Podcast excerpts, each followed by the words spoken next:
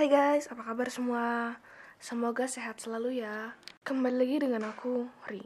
Hari ini, aku mau cerita tentang novel karya Habibur Rahman El Shirazi yang berjudul Bidadari Bermata Bening. Aina, gadis pondok pemberani dan juga pintar, mendapatkan nilai tertinggi seprovinsi Jawa Tengah untuk jurusan IPS. Namun Neneng yang dengki dengannya memfitnah Aina curang dan juga anak haram.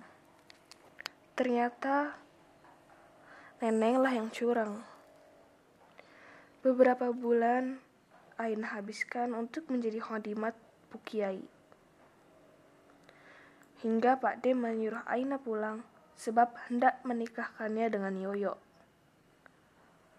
Dengan terpaksa, Aina pun menikah dengan Yoyo.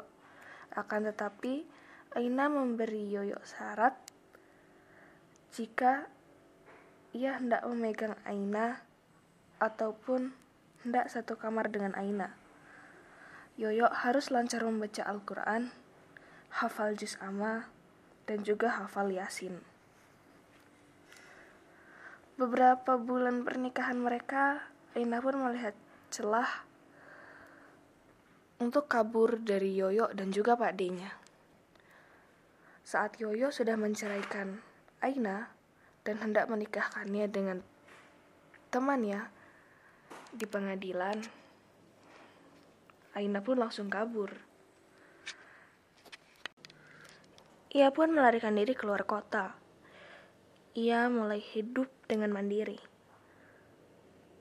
ia bekerja dengan seseorang wanita yang pernah ia tolong saat ibu itu pernah hampir kecopetan.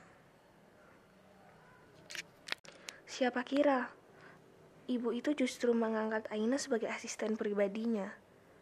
Alhasil, Aina bisa belajar banyak dari ibu tersebut. Bu Roshidah sudah menganggap Aina sebagai anaknya sendiri. Bahkan, Buruh sudah sampai memberikan mobil untuk Aina. Aina pun memutuskan untuk membuka usaha sendiri. Ia membuka toko roti dengan nama Toko Roti Barokah. Di dalam toko roti Barokah, ia juga mengajak anak-anak yang tidak punya rumah untuk tinggal dengannya. Hingga suatu hari, Bunyai mengkontak Aina dan mengatakan bahwa Afif, anaknya Bu Kiai, telah lari ke Jakarta karena ia sempat putus asa ketika mendengar Aina akan menikah. Tak ada yang mengira bahwa ternyata Afif bekerja menjadi karyawan Aina. Namun sayang tak lama kemudian Afif jatuh sakit.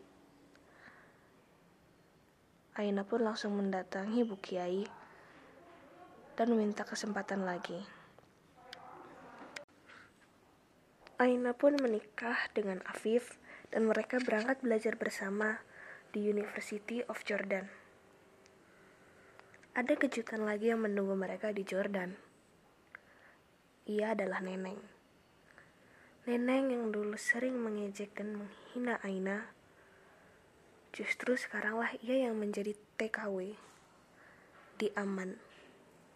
So, kalau kalian mau tahu cerita detailnya, langsung aja baca bukunya Kang Abik yang berjudul Bidadari Bermata Bening ya guys. Dari skala 1 sampai 10, aku kasih buku ini skala 9 karena nggak pernah bosan kalau dibaca dan ceritanya menarik nggak bisa diduga. So, sekian dari aku. Terima kasih. Hope you enjoy. See you on my next podcast. Bye bye.